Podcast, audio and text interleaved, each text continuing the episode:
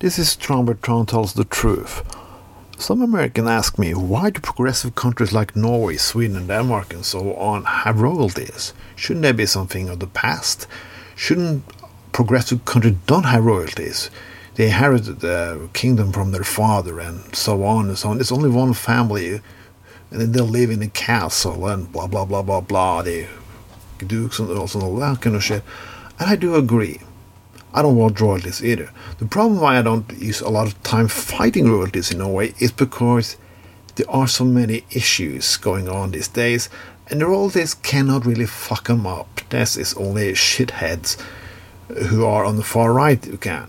But I get the point. But at the same time, I have to ask a lot of other people, like mostly Americans, why do you worship your rich people that much?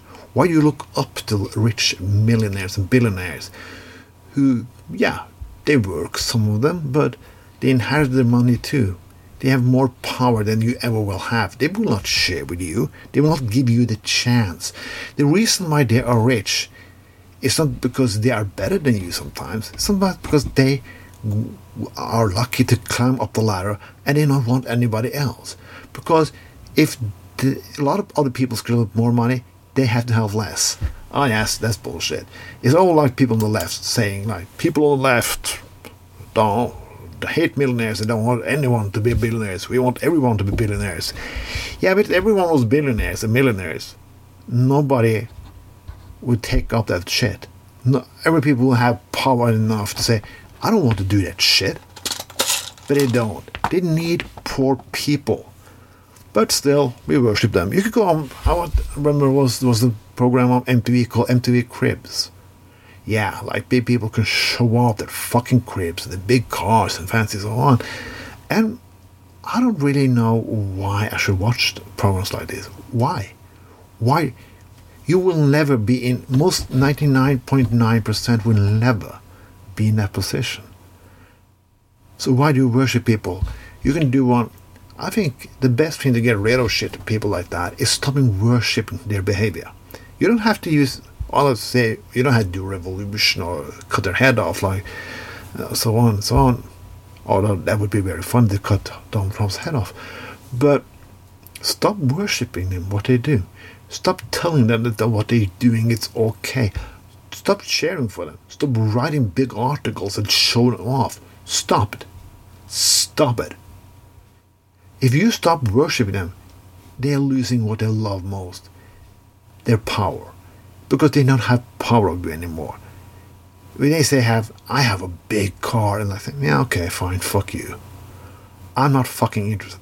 Worship other people. Worship people who do. When you worship people like Bernie Sanders, like worship people like Desmond Tutu who now is dead, and people like that, stop worshipping them. Please stop worshipping them and telling them their behavior is okay. They will keep on doing that.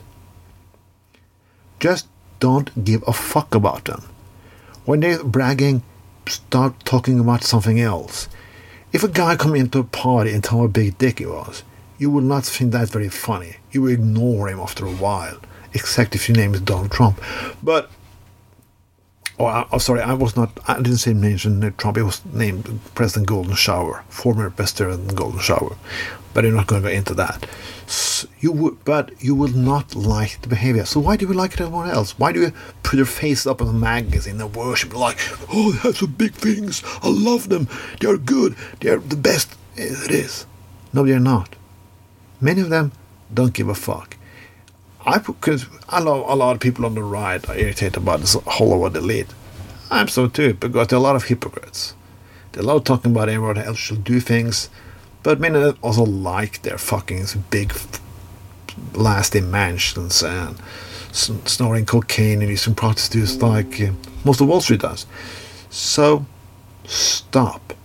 Stop worshipping people who do something for society, people who fight for something in society and give something back to society. Sometimes there can also be rich people who do that. But stop, don't do the principle.